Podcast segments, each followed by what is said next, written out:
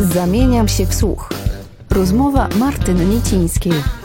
Zaprasza kulturałpodstaw.pl Z Kasią Tusz, programerką Festiwalu Malta, spotykamy się dzień po zakończeniu festiwalu. Ci, którzy spodziewali się, że znajdą odpowiedzi na takie palące problemy w współczesności, odpowiedzi wprost e, podane na tacy, musieli się bardzo rozczarować. E, to był skok w wiarę, ale też skok e, czasami w nieznane, w nieznane fascynujące, czasami skok na złamanie karku. Mm, na pewno propozycje dla wymagających widzów, dla takich, którzy już wiele na scenie widzieli. Myślę, że zawsze chcemy czymś widza zaskoczyć i nie traktujemy tych idiomów e, dogmatycznie, nie zakładamy określonych wrażeń czy, czy sytuacji, w które widz wejdzie. Sam festiwal i jego programowanie też jest jakimś skokiem w wiarę, bo chodzi o to, żeby wykreować sytuacje czy, czy jakieś nowe rzeczywistości, w których widz odnajdzie coś, czego nawet nie zakładał, że może tam spotkać w tym kontakcie z, dziełem sztuki, więc e, trudno powiedzieć tak naprawdę, jakimi stopniami ryzyka operowaliśmy, bo zawsze to jest tak, że dajemy kuratorom idiomu wolną rękę. Nie naciskamy w żaden sposób, który wątek, która linia ma być wiodąca w idiomie. I tak też było ze skokiem wiarę, który na pewno ma jakiś wymiar społeczny i polityczny, i ten wymiar tak naprawdę staraliśmy się w forum mm, poruszyć na Placu Wolności w różnych rozmowach, które były takim programem towarzyszącym.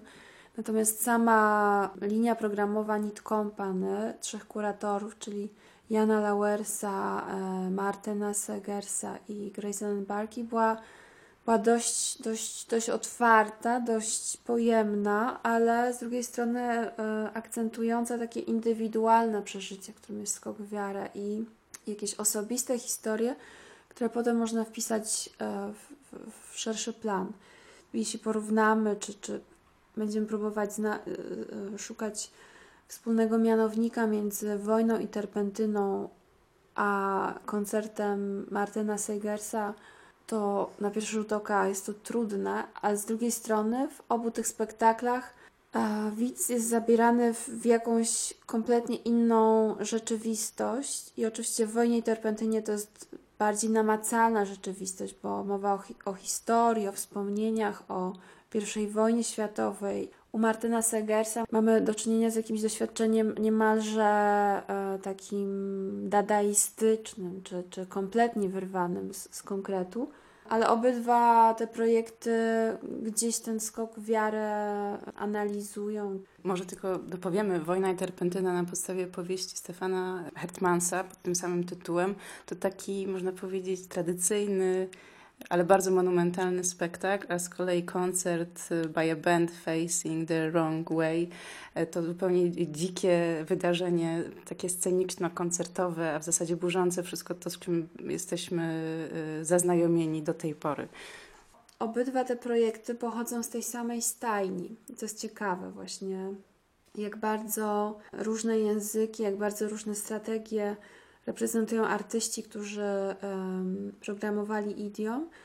I mnie fascynuje też e, ich, ich taka zdolność do płynnego przechodzenia z porządków, które były w tych spektaklach. I na przykład Martin Seigers miał premierę koncertu, o którym wspomniałaś, występował Forever, występuje też w Wojnie Terpentynie Śmieliśmy się, że tak naprawdę chciałby zostać trochę dłużej w Poznaniu, bo codziennie miał albo próbę, albo występ i, i był w jakimś takim swoim świecie, ale i jako performer, i jako muzyk potrafił, e, czy potrafi e, odnaleźć się we wszystkich tych porządkach i to jest bardzo ciekawe interpretuję to tak, że musi istnieć jakieś e, głębsze porozumienie między tymi artystami i, i sposób, w jaki pracują w Nit Company, w tym kolektywie, musi dawać z jednej strony na tyle dużo wolności, z drugiej strony też musi być jakaś, nie wiem, wspólna grupa krwi, czy, czy jakaś wrażliwość, którą oni dzielą,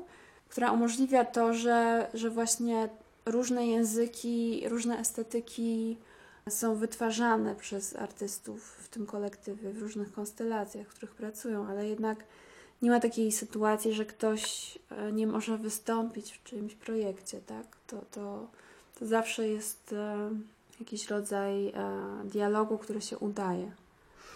Obserwując te skrajnie różne propozycje artystyczne, zastanawiałam się właśnie w jakim momencie zespół, grupa Nit Company przyjechała do Poznania, w jakim oni są momencie swojej twórczości. To jest kolektyw, który działa od 1986 roku.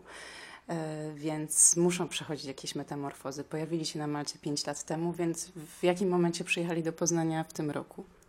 Myślę, że jest to bardzo ciekawy moment dla Nit Company, ponieważ po pierwsze w ubiegłym roku przenieśli się do nowej siedziby w Brukseli, która jest nie tylko ich biurem czy, czy, czy taką kwaterą e, główną, ale jest po prostu miejscem publicznym, miejscem otwartym dla ich współpracowników, ale też okolicznych mieszkańców. To miejsce nazywa się Demil i mieści się w e, brukselskiej dzielnicy Molenbeek, która jest e, zamieszkała w dużej mierze przez nowo przybyłych, czyli przez e, imigrantów i kolejne pokolenia społeczności Brukseli, która wywodzi się z, właśnie z takiego migranckiego, wielokulturowego tła. To nie jest łatwa dzielnica i w takiej powszechnej świadomości wszyscy kojarzą ją z terrorystami. Więc oni nie ustają w swojej artystycznej działalności. Mają tam i biura, i miejsce prób, i małych pokazów artystycznych, ale też E, współpracują z, właśnie z sąsiadami, z tymi, którzy mieszkają w Molenbeek. Dzięki temu mają cały czas kontakt z jakąś e, najbardziej aktualną rzeczywistością społeczną, w jakiej funkcjonują. Nie działają w izolacji, nie, są, nie zapominają, gdzie pracują. Jest to pierwszy aspekt, e, który jest ciekawy i jak gdyby otworzył nowy rozdział. Oni sami o tym mówią, że, że to im umożliwia też w ogóle myślenie bardziej rozwojowe, myślenie o tym, e, co oni mogą dać, istniejąc tam innym. Z drugiej strony jest to ciekawy moment, mam na myśli współpracę z e, młodym pokoleniem twórców, którzy częściowo są jakoś powiązani z Nit Company, można powiedzieć, więzami rodzinnymi, bo są to na przykład dzieci Jana Lauersa i Grace Barkey, czyli Wiktor i Romi Lauers. Z drugiej strony oni właśnie współpracują e, z kolektywem Kuiper Sky, którego spektakl mogliśmy zobaczyć e, w zamku w Poznaniu i to są twórcy dwudziestoparoletni, czyli naprawdę takie pokolenie, które no, wchodzi do teatru, które będzie ten teatr e, kształtować i widać tutaj e, też przyszłość, tak? To znaczy, że Nit Company stale się regeneruje, można powiedzieć, pokoleniowo i też e, jeśli chodzi o estetykę, no bo kolejne młode osoby wprowadzają swój język, swoją wrażliwość i na pewno jest to Nit Company w innym kształcie, w innym stanie niż na przykład w 2010 roku, kiedy pierwszy raz byli w Poznaniu i na pewno jest to nowa era, więc oni sami cieszyli się, że mogą e, w tym idiomie iść jeszcze dalej, tak? Czyli pokazać sposób, w jaki pracują, pokazać właśnie to przenikanie się e, artystów migrujących z jednego projektu do drugiego. I to też jest pewna filozofia ich pracy i, i w tej filozofii zawiera się skok w wiarę, czyli właśnie ta, e, ta chęć do podjęcia ryzyka, do, do renegocjowania własnego status quo, no bo Nit Company mogłoby zatrzymać się w miejscu, mogliby stawiać tylko na wielkie spektakle, jak na przykład trylogię, którą zrobili, mogliby odcinać kupony, można powiedzieć, a jednak idą dalej, ryzykują, mają nową siedzibę, mm, szukają i, i, i, i to jest fascynujące.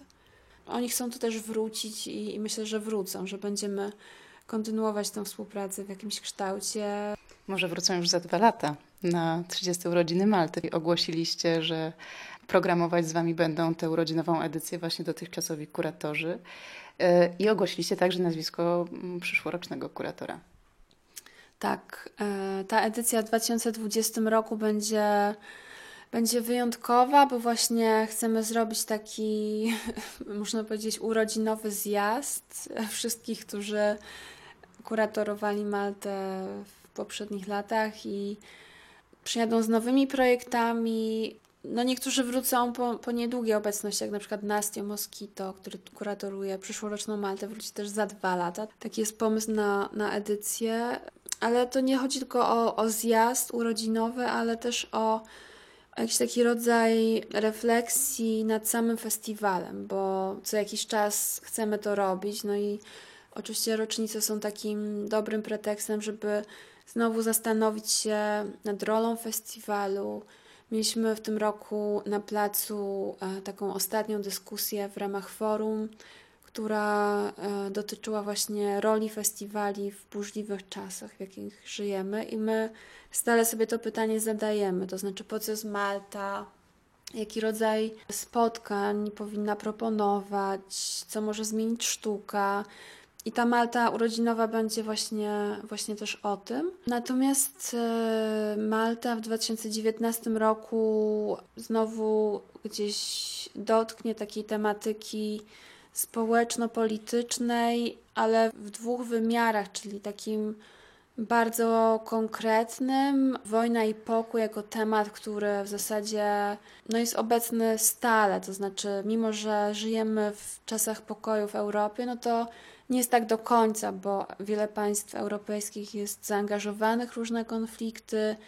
My jako obywatele Europy też nie, nie bezpośrednio, ale pośrednio też w tym partycypujemy.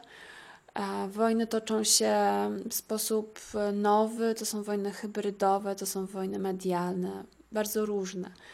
I, i tym, tym tematem zajmie się Nastio Moskito, performer, muzyk, artysta e, cyfrowy, twórca instalacji audiowizualnych. Bardzo, bardzo ciekawy, ciekawy człowiek, który nie pochodzi, tak jak większość kuratorów e, w poprzednich latach, stricte ze świata teatru, chociaż występował w teatrze, pokazał swoje, swoje stand-upy, czy takie właśnie bardzo polityczne monologi e, w teatrach, ale też w muzeach, na przykład w MOMie, czy w Tate Modern, czy jest takim niespokojnym duchem, który szuka różnych mm, form ekspresji, różnych kontekstów i sam pochodzi z Angolii, czyli tą wo tej wojny doświadczył na własnej skórze i ona też mocno e, zdestabilizowała jego życie. Musiał uciekać, musiał zmieniać konteksty, miejsca zamieszkania. W tym momencie e, jego miastem jest e, Lizbona i wspólnie będziemy pracować nad, nad, nad tym tematem i, i, i zastanawiać się też nad konfliktem jako e, pewnego rodzaju jakością